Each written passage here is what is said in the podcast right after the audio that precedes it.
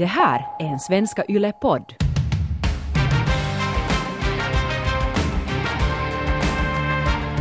Alltså pappa gick med på att vara barnvakt och du får vara ute på krogen. Ungen blir ju så tjock att den aldrig lär sig att gå när du ammar den stup i kvarten. Usch, väntar du tvillingar? Det är nog ett helvetesverk.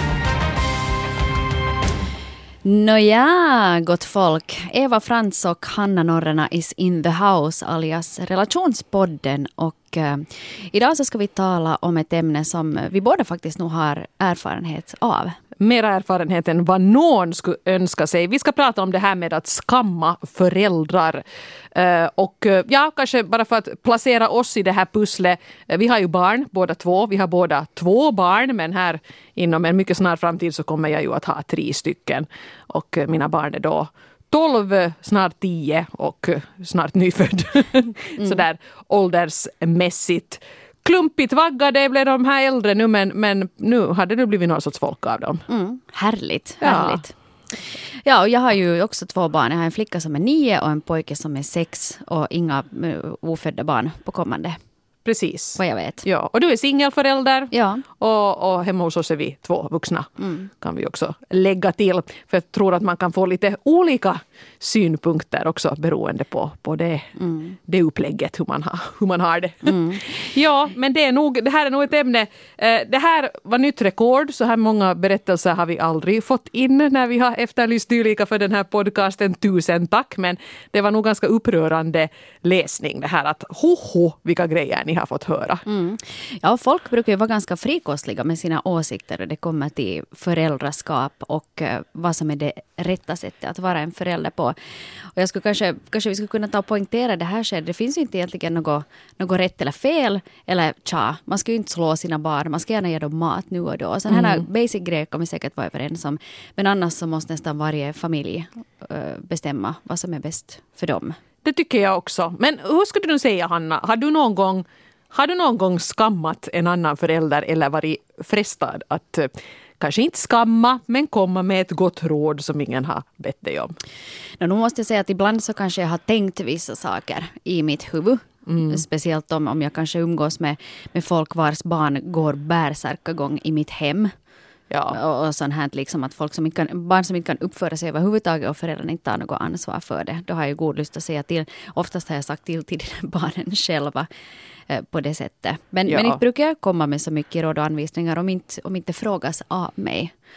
Men... Nej precis. Jag menar, och så är det ju sådär att ser man nu att nu är någons halvåring som just har lärt sig att kräla på väg med faslig fart mot en trappa neråt så då ska man ju förstås ingripa för det kan ju potentiellt bli en farlig situation och det kan ju bli lite genant för föräldrar men då får man ju liksom det är inte sådana situationer som vi räknar med nu i det här ämnet. Mm.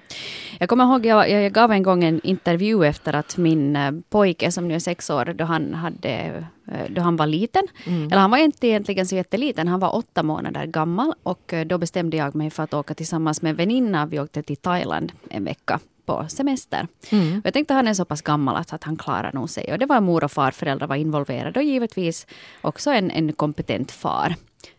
Men eh, då gav jag en intervju om det här och, och berättade att jag hade åkt iväg. Och jag fick så mycket skit av det finska folket efter det där att hur kan du som mamma lämna ditt barn? Att en liten baby behöver sin mamma och åka iväg till andra sidan jorden och, och, och så här. Och, och då tänkte jag bara liksom i mitt stilla sinne att det är ju inte, det är inte som sådär att jag ska lämna dem ensamma hemma, vet, en treåring och en nyfödd pappåse chips på golvet. Mm. Utan de hade ju faktiskt andra vuxna som kunde ta hand om dem. Men jag fick ta mycket skit för det samtidigt som till exempel exempel nyblivna pappor äh, firas då de fast åker direkt från BB på Tallinnkryssning och super skallen av sig. Det är helt okej okay att hej grattis, du har fått ett barn. Men ja. att om en mamma gör detsamma. Det ses inte som oansvarigt utan ja. det hör liksom till. Men mammorna Ja, hur kan du? Jag kommer ihåg till och med, vi var på en sån här dykningsutfärd på den här Thailand-trippen också. Till och med den där kvinnan ombord på den där båten skammade mig. För hon, frå, hon frågade att har du barn och så sa jag att jag har en, en åtta månader, så en, en treåring. Hon sa att, att vad gör du här? Att du borde inte vara här, du borde vara hemma med dina barn. Sa hon då, den här thailändska kvinnan på den där båten. Och jag fick lite skitfilis faktiskt nog av det. Ja. Sådär. Det förstår jag gott och väl. Mm. Men, men vad märkligt. Ja, och, och, den här underliga orättvisan här att det var ju liksom inte sådär att du hade lämnat lillplutten liggande ensam i en byrålåda och åkt iväg. Utan jag menar, där var ju folk och, och min övertygelse är nu i alla fall den att att man gör sina barn en jättestor tjänst om man ser till att de har många trygga vuxna omkring sig. För inte vet man ju någonsin vad som händer med en. Man kan ju bli påkörd av en bil och hamna på sjukhus. Mm. Och då tvingas man vara borta från sitt barn fast man inte skulle ha valt det aktivt. Och då är det ju toppen om det finns en massa andra människor som kan rycka in utan att det liksom blir en jättestor, en big deal för det där barnet. Mm. Så jag tycker ju nog, och den strategin tror jag nog att vi ska ha nu med, med det här barnet som jag ska få här så småningom också, att mycket trygga vuxna människor i omgivningen bara för det blir, det blir bättre för alla på det sättet. Ja, och då är man lite friare också som mamma att kanske ja. röra sig och få lite så, så kallad egentid nu och då. Mm. Och du Eva, jag måste ju fråga dig också förstås, dina flickor, att de är lite äldre nu, vet du, 12 och nästan 10 och, och nu lilla bebén här nu då på kommande, så du måste ju också ha lite erfarenhet av att få höra andras mer eller mindre välkomna kommentarer. Ja, en hel del. Och det måste jag nog säga att det är nog kanske en av de bästa grejerna nu med den här graviditeten. Och ja, nu ser jag in i framtiden men jag tror också att den här småbarnstiden kommer att vara väldigt, väldigt annorlunda. För jag vet hur man gör. I got this. Liksom. Mm. Jag är inte perfekt. Inte har jag liksom, ibland måste jag nog lite googla också för att ta reda på hur saker och ting går till. Men jag har ett ganska gott föräldra självförtroende i det här skedet. För det är egentligen inte fråga om konstiga saker. Se nu till att ungen överlever och är någorlunda nöjd. Mm. Och, och, då kommer man långt med. Och jag tror också att skulle någon nu komma med hemskt mycket sådana snusförnuftiga kommentarer så skulle jag ha väldigt mycket lättare att bara liksom typ skratta bort dem eller säga något lite småbitskt mm. tillbaka. Men, men det kunde inte jag när man var förstagångsförälder, riktigt nybliven. Utan jag blev ledsen och till mig och, och ängslig över allting. Och det som kanske jag tog mest illa vid mig av var det här när vi bara konstaterade att, att mitt, min äldsta dotter att hon, hon skulle börja dagis ganska tidigt. Hon var lite på ett år då och vi fick en dagisplats och så här.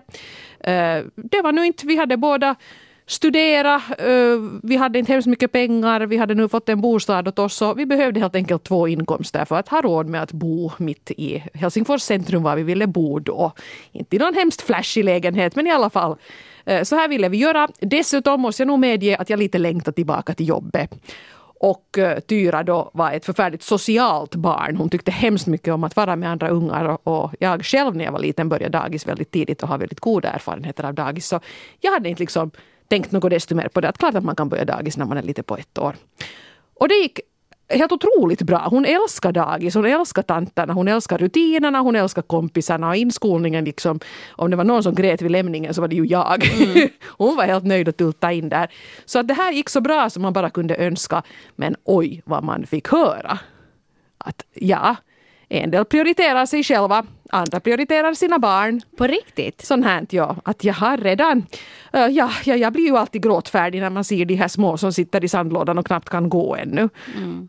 Och att man liksom inte kunde få den här respekten av omgivningen att att nej men hej, det funkar för er. En del barn är säkert inte färdiga för dagis när de är ett år. Uh, och då är det ju bra om man inte behöver sätta dem i dagis då. Men för oss var det här en jättebra lösning. Men inte ens det att jag såg varje dag och dagispersonalen var jättepushande och sa sådär att ja men det här går ju så, hon trivs så bra, hon, det är så roligt att ha henne här. Och inte ens allt det här övertygade mig om att vi hade fattat rätt beslut för att jag var den här lite kollriga förstagångsmamman som var mm. livrädd att göra fel hela tiden. Mm. Och det är just förstagångsföräldrar som oftast får mest kommentarer för det, det ändrar livet så otroligt mycket då du får barn första gången. Att sen när du får tvåan, trean och fyran så orkar inte riktigt någon bry sig mera. Och sen är det också det att man måste ju få vara en klantig förälder. Jag menar inte nu utsätta sina barn för omedelbar fara förstås. Men man måste få testa sig fram och kolla sånt som inte funkar också. Och det hör på något sätt till ett föräldraskap. Att nu inte går det nog alltid sådär jag menar man är inte doktor Spock liksom. Man måste ju på något sätt, eller Supernanny som var hemskt eh, populär då när, när vi väntade barn. Så följde vi med det och tänkte att jaha, det är så där man uppfostrar. Mm. Inte kan man veta, man måste prova sig fram. Mm. Ja. ja. Men ja, det, det här med att skamma just uh, mammor, det tycker jag också man märker ganska mycket på, på bloggar och Instagram och så här. Att, Att där bubblar det. är nog sällan det blir så hatisk stämning som när man kan utropa någon till en värdelös mamma. Mm. Ja men det är sant men sen är det också flest kvinnor nog som kanske har just gravidbloggar och, och, och sådana mammaledighetsbloggar.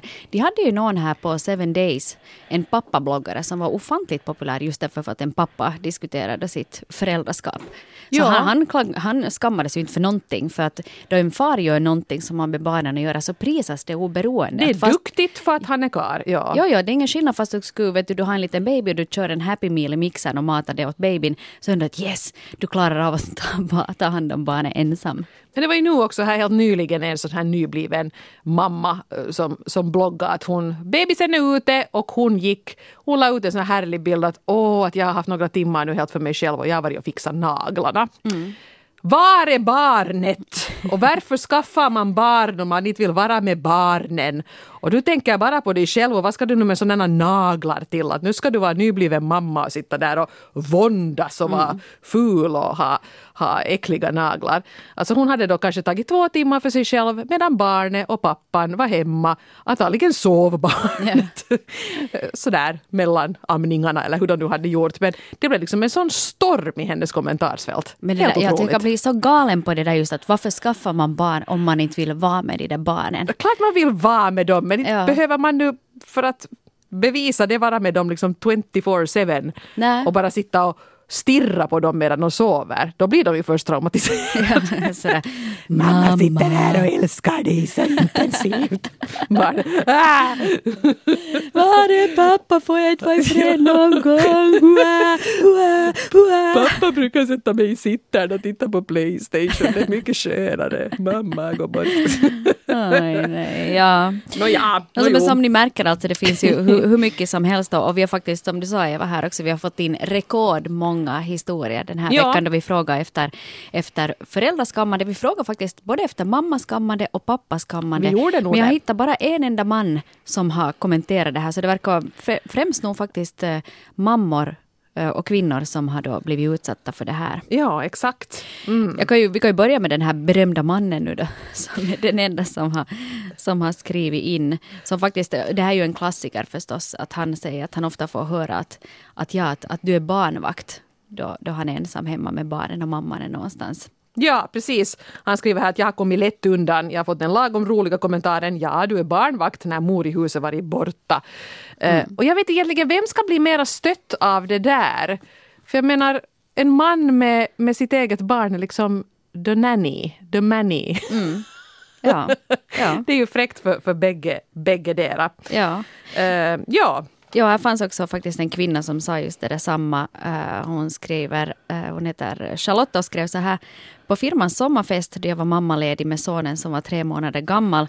Så då var det kollegor, både manliga och kvinnliga, som frågade att, att ja, du har fått maken att agera barnvakt. Och svarade att han faktiskt inte är barnvakt utan helt bara förälder. nej, exakt. Det är just det här som den här mannen Good for you Charlotta som sa det med en gång. Och inte tycker jag ens nödvändigtvis att man behöver säga att mormor eller morfar eller farmor eller farfar är barnvakter utan de är ju liksom familjemedlemmar då. Ja, Ja, precis. och tycker antagligen om att vara med det där barnet. Ja, åtminstone någon gång. Just något tills de börjar skrika Ja. på kvällen. Ja. Men här har vi en eh, mamma M, 35 år, som säger 22 år och ensamstående. Jag var alltså dygnet runt ensam med barnet. När babyn var sex månader kände jag efter mycket tvivel att jag vill gå på en fest med vännerna. Vi fortsatte till nattklubb för att dansa. Jag hann ända till bardisken innan en kille som jag aldrig pratat med tidigare men hade lite gemensamma bekanta med kom fram till mig och frågade varför jag är på nattklubb, för jag borde ju vara hemma med mitt barn kändes ju inte så bra. De hade redan själv fått övertala sig själv till att det nog gör gott att komma ut och träffa vänner och babyn var ju tryggt hos mormor. Känner igen det där också. ja men precis, just det där att hur kan du gå ut en kväll? Och det här är samma också, knappt den här mamma M då så hade ju inte lämnat babyn hemma just med en påse chips. utan, utan hon var då hos mommo. De hade säkert jättemysig kväll. Och jag, jag vill poängtera det här, alla behöver få komma ut och träffa lite kompisar och på något vis vara den där personen som man var innan hela den där härvan. Speciellt när du har en tre månaders baby. Du, då, hela ditt liv har ju varit ganska liksom fastlåst vid den lilla typen i ett år då redan. Ja precis. Först har du varit gravid ja. och så har du varit liksom, de första månaderna sitter man ju ohjälpligen fast. Så det kan vara otroligt viktigt det här att få lite tid för sig själv. Gå ut och dansa eller fixa naglarna eller någonting. Men här måste jag faktiskt säga, um, om jag nu, ska, nu börjar jag spruta ur mig råd här, men det här gäller faktiskt inte de här föräldrarna som går ut och, och svirar eller tar lite egen tid. Utan här kommer nu ett råd till den som är hemma. Vare sig det är mommo eller pappa eller mamma eller vem det nu sen är. Ring bara till den där föräldern som är ute om det är totalt akut nödläge. Ring inte så där man har sagt att klockan sju att men ha en trevlig kväll och så ringer man halv nio och sådär att ja vilken tid var det du skulle komma hem att det är lite, det är lite skrikfest här nu. Ja men ha nu roligt men det är nog bra om du kommer före tio. Ja. Jag menar stå ut då om det här är någonting som den här människan har laddat upp för så isigt börjar liksom för att det är lite skriks och härjas och, och är lite så här småjobbigt. Stör inte den, Nej. ge den här personen den här kvällen ut. ut utan dåligt samvete, för det ja. får man ju förstås att nu, nu har jag lämnat mitt barn och mitt barn längtar efter mig ja, och kan inte men, sova. Och, men låt liksom, det, det, är bara bortkastat om sen den där som äntligen har tagit på sig partytoppen och tyckt att ja, nu ska jag lite få liksom vara mig själv här att sen förstöra dens kväll, det vinner ingen på. Utan ungefär om ni är på väg i ambulans till sjukhuset, då kan du ringa och ge en lägesrapport. Men inte annars, låt Nej. vara. Du kan säga vilka sjukhus ni är på. Ja. Ha, har vi värkmedicin någonstans? Det finns på apoteket, man kan gå dit och hämta. Mm. Ja, men det, det, är, det, är, det är förstås det här med, med just då, då barnen är, är, små och nyfödda och speciellt om det är det första barnet, så då är det ju hela släkten är ju engagerad. Hela, hela ditt sociala liv, dina kollegor, dina vänner, för alla är det en stor grej att du har fått ditt första barn. Och en sak som, som faktiskt flera har skrivit in om också i den här livssituationen är ju det här med, med ammande. Oh yes. Och det, och det är ju väldigt liksom privat och personligt och någonting som jag tänker att ha med som en, en deal liksom mellan babyn och och mamman. Men det verkar som så att det ganska många tar sig friheten att kommentera också det här. Absolut. Här har vi ett sånt här brev. Den yngre dottern var cirka tre månader och hon behövde modersmjölksersättning som komplement till bröstmjölk. Jag var lite ledsen över detta. Jag hade gärna helammat längre men, men det räckte nu inte till. En dag i butiken träffade jag en halvbekant kvinna i 60-årsåldern. Hon kikar ner i min korg och ryggar nästan bakåt. Hon ser förebrående på mig och säger Visst vet du att bröstmjölk är det bästa för babyn. Jag minns ännu hur jag ville försvara mig, säga att jag visst ville helamma men inte kunde. Oj vad jag skämdes. Jag levde inte upp till normen, jag dög inte, jag gav inte mitt barn det bästa. Idag vet jag bättre, jag gjorde ju mitt bästa. Jag såg till att mitt barn fick mat, men nej, det var inte enbart bröstmjölk. Tvåbarnsmamman, 29 år, har skrivit mm. detta. Mm jag tror nog att, att eh, många känner igen sig i det här också. Jag, jag själv känner igen mig i det här för jag har också gett liksom eh, mjölkersättning åt mina båda barn. Ja. Eh, sådär liksom i, speciellt för att du kanske Vissa är ju sådär att det är som mjölkkanoner, att det bara funkar jättebra. Men ibland kanske man också behöver lite hjälp. Och sen var det med mitt första barn så hade jag en förlossningsdepression samtidigt. Så att jag, jag orkar helt enkelt inte jobba med det där ammande liksom dag och natt. Och då var det ju jättebehändigt att det då finns någonting du kan köpa i butiken som en annan ansvarig vuxen du kan ge till den där babyn. Att jag förstår inte varför man skulle, då du inte vet någonting om den där situationen. Nu tror jag att alla mammor säkert vill och försöker göra sitt bästa. Och det är ju så fantastiskt att vi har i Norden fullgoda uh, alternativ som man mm. kan köpa i butiken om amningen krånglar, om man inte vill amma, om man inte kan. Det ordnar sig i alla fall. Och ja, alltså, jag känner också väldigt mycket igen det här för att jag har, jag har faktiskt helammat mina barn ganska länge. Jag var en sån här mjölkkanon. Nu får du en liten sån här golfapplåd här för du har varit en god mor. Jag hoppas min gloria inte bländar dig allt för mycket här. Men i alla fall, jag har haft den förmån, eller jag känner mig lyckligt lottad på, på den punkten. Men eh, när Tyra var riktigt, riktigt nyfödd så gick hon inte riktigt upp i vikt så som, som hon skulle ha. Jag menar min mjölk hade inte riktigt kommit igång då ännu. Så då gav vi åt henne kanske en deciliter eh, modersmjölksersättning. Och sen varje gång, jag var, alltså den här amningslobbyn hade nått mig så mycket att varje gång jag fick frågan på rådgivningen att var det så att du helamma? Så sa jag jo, men riktigt där i början gav vi henne en deciliter ersättning. Så att jag, jag på något sätt, jag, jag tyckte jag hade ju ändå lite förstört hennes lilla delikata tarmsystem med den här ondskefulla modersmjölksersättningen. Och liksom sen efter något år så var jag så här, men att liksom, vad, vad, Va, vad är det för fel på mig? Ja. Men det där säger också någonting om hur, hur, hur stora känslor det faktiskt finns kring det där och hur mycket skammande det finns. Ja, precis. Så, så amning, amning, amning mm. tycker de flesta att det är bra. Men så var det någon som tyckte precis tvärtom också. Ja, ja. Vad säger ni om den här kommentaren som en, en mammande, am, eh, mammande... En, mam, en mammande amma.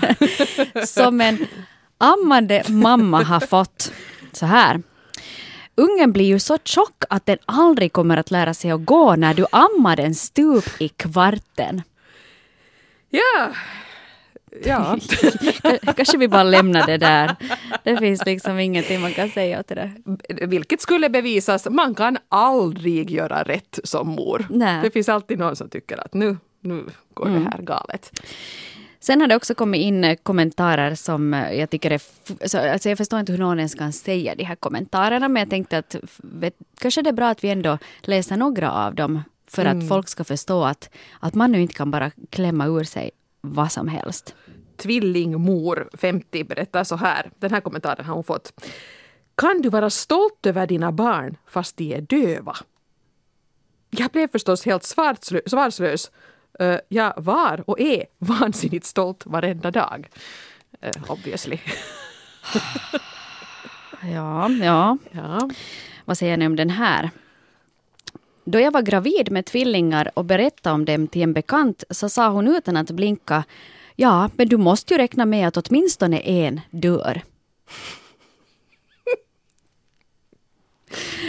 Och en annan gång var också när jag råkade på en halvbekant på stan. Hon, en medelålders kvinna med tvillingar i äldre tonåren, sa att få tvillingar är det absolut värsta jag har varit med om. Det är ett riktigt helvetesverk.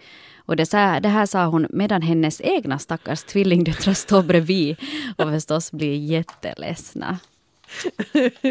Oj, alltså, ja.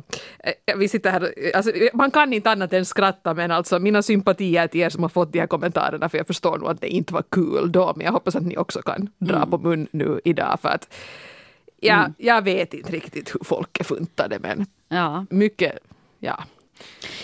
Hej, på tal om det här med ammande och mat och, och vad man nu matar då sitt lilla mm. gullegryn med, så det är också någonting som folk verkar ha mycket åsikter om.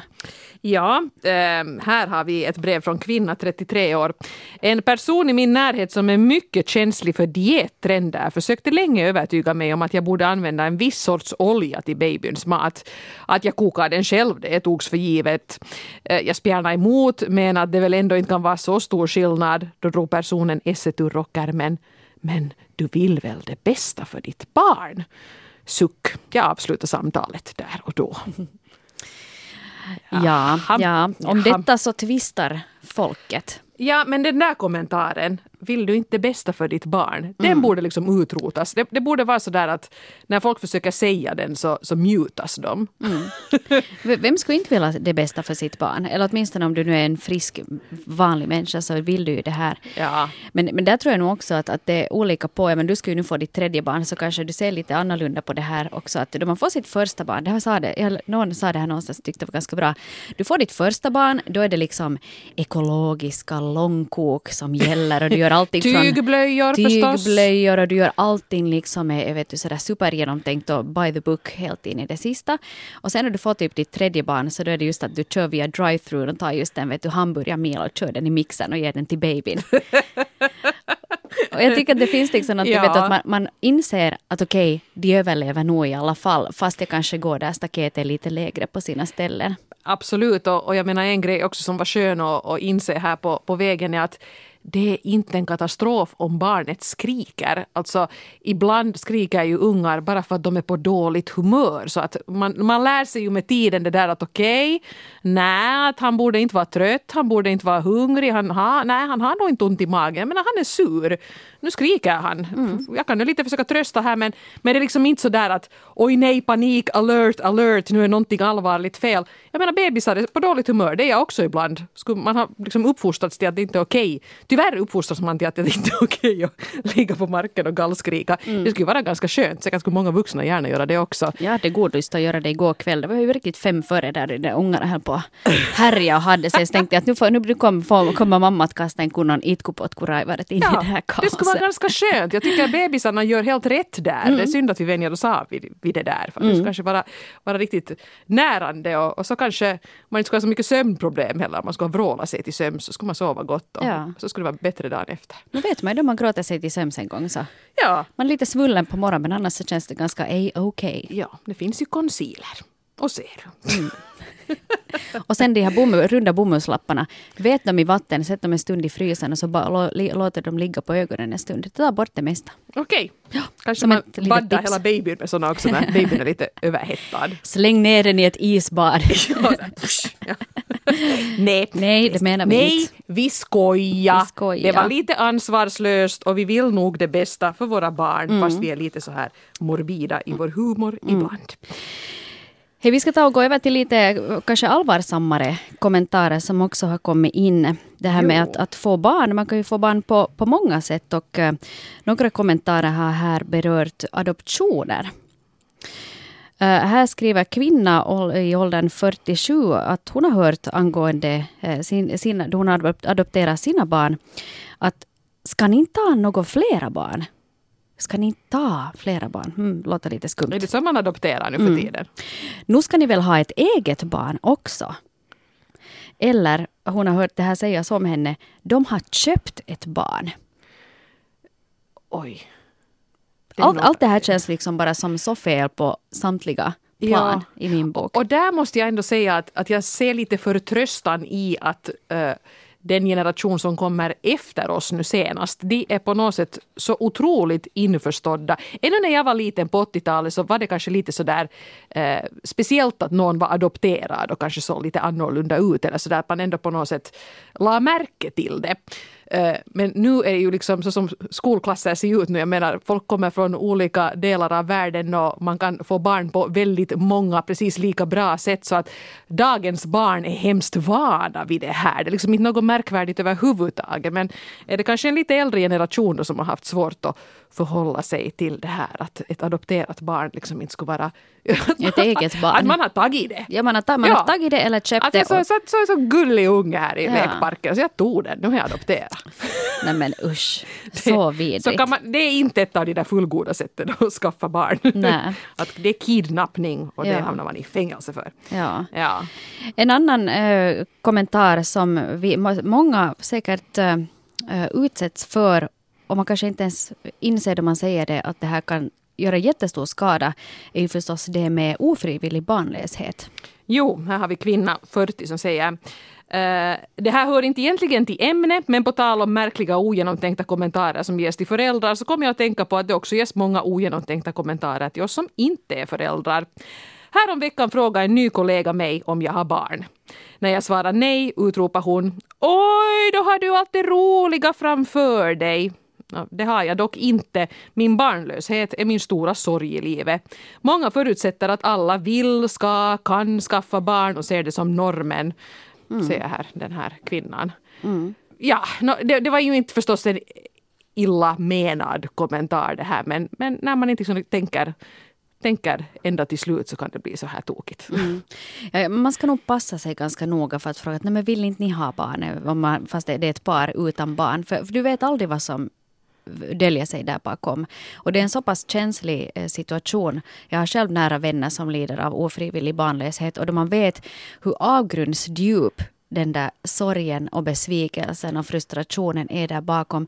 Så att det kan vara, vet du, en kommentar kan vara det som är bara helt enkelt för mycket för att hjälpa dig den dagen. Så att, att man kanske, har ingen aning om var folk är i livet. Jag menar, man slänger en sån här kommentar ut sig till någon som har haft tre missfall på raken Mm. och liksom faktiskt kanske småningom börjar vänja sig vid tanken på att men det blir inga barn för mig och jag ska försöka acceptera det och så kommer någon Åh, du har det roliga framför dig. Mm. Det är nog hemskt.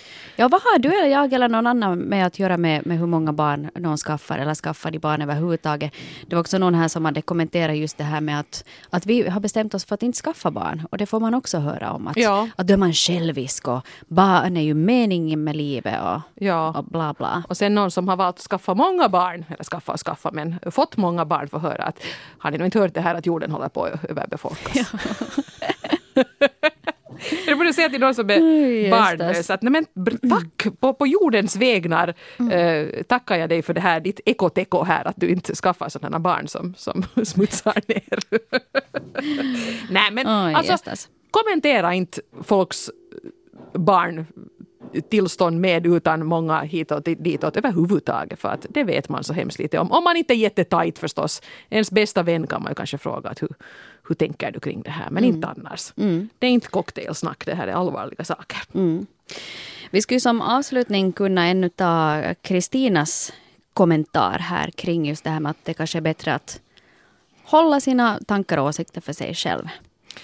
Alla kommentarer som börjar med “Vad intressant att du gör så här men jag skulle aldrig ge åt mina barn eller göra” och så vidare. Och att man bara inte lyssnar då en annan mamma berättar någonting utan väljer att kommentera och framföra sitt. Ja, alltså min bebis sov hela nätter då vi kom hem från BB men vi lät honom eller henne aldrig sova i vår säng. Har ni provat med välling?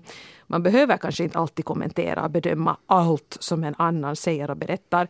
Ibland går det faktiskt bra att bara lyssna och vara en vän istället för en överkritisk mamma eller rådgivare som ingen behöver. Det var mina tankar kring mammaskammande, skriver Kristina. Tack Kristina. Det där tycker jag vad heter det, sammanfattar ganska bra. Och, och, och just det här liksom då du har föräldrar, både mammor och pappor som kanske just har fått sitt första barn eller är i en ganska svår situation. Kanske de inte behöver så mycket åsikter och råd. Kanske de bara behöver liksom en, en kram och, och ett lyssnande öra eller någon som har lagat spaghetti till en om man inte orkar själv. Precis, jag ska också säga att att man är ganska benägen att ta reda på och be om råd när man är förälder. Så att om någon frågar att hur har ni gjort med det här med, har ni testat sömnskola? Så kan jag nog berätta helt gärna att, att så här gjorde vi och det funkar nog hos oss. Men man måste ju också kanske inse att det som funkar kanon hemma hos mig eh, inte alls funkar hos en annan familj. Och det här börjar pracka på goda råd till någon som inte har bett om dem. Undvik det. Mm. För jag tror inte att man egentligen gör så hemskt stor nytta. Mm. Och det där med sömnskola kan jag bara berätta. Jag har testat sömnskola på mina båda barn. På ena funkar det, på andra inte överhuvudtaget. Så där ser man. Och det är samma hem, samma föräldrar, Precis. samma gener. Och ändå så blev det inte någonting. Ja. Mm. Så vad lär vi av detta? Res till Thailand.